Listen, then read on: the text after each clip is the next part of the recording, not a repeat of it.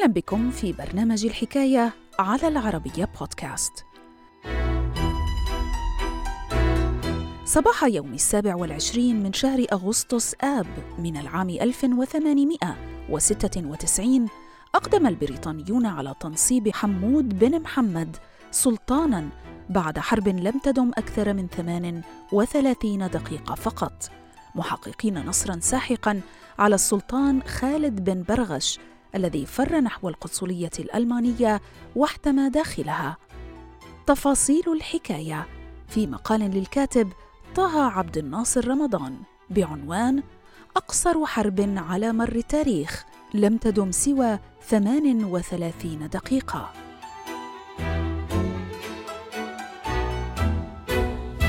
الحكاية.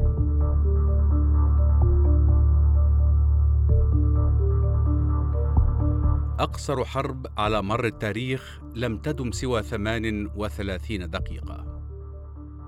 يوم الخامس والعشرين من أغسطس عام 1896 تفاجأ أهالي زنجبار بواقع خبر وفاة السلطان حمد بن ثوين البوسعيد حيث جاءت الوفاة في ظروف غامضة مما رجح إمكانية تسميمه على يد أحد المقربين منه على إثر وفاة السلطان استولى أحد أقربائه ويدعى خالد بن برغش على الحكم معلنا نفسه سلطانا على منطقة زنجبار.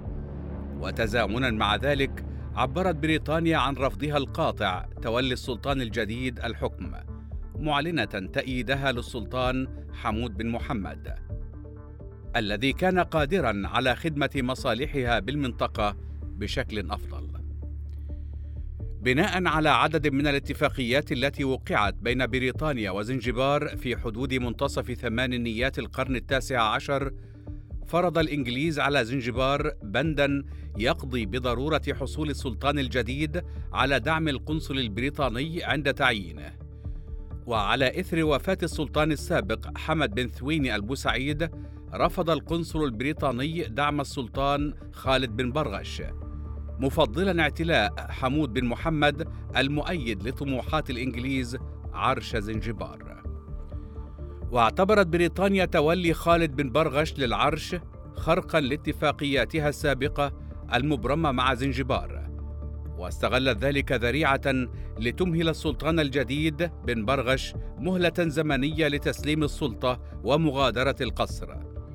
على إثر صدور التحذيرات البريطانية رفض السلطان خالد بن برغش التنحي عن عرض زنجبار وبدل ذلك أقدم على تكوين قوة عسكرية. تضمنت عددا من العبيد والسكان المحليين.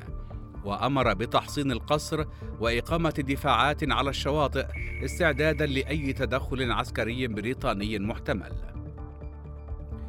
في حدود الساعة التاسعة صباحا يوم السابع والعشرين من أغسطس عام 1896 انقضت المهلة المقدمة من قبل الإنجليز للسلطان خالد بن برغش من أجل مغادرة القصر.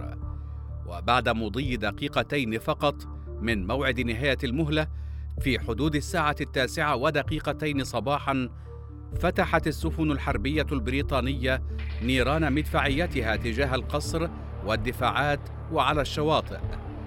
كان التدخل البريطاني مدعوما بحوالي ألف مقاتل من زنجبار مساند للإنجليز.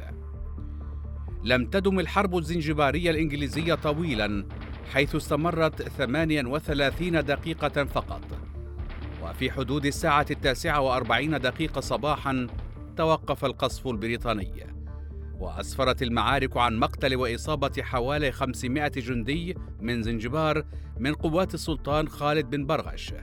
بينما لم تتجاوز الخسائر البريطانية جنديا واحدا أصيب مع بداية العملية العسكرية. خلال هذه الحرب حقق البريطانيون نصرا ساحقا حيث فر السلطان خالد بن برغش نحو القنصلية الألمانية واحتمى داخلها قبل أن يغادر لاحقا نحو إحدى المستعمرات الألمانية شرق أفريقيا. وفي غضون ذلك أقدم البريطانيون على تنصيب حمود بن محمد سلطانا. وقد جسد هذا الحدث بداية التدخل البريطاني المباشر في زنجبار.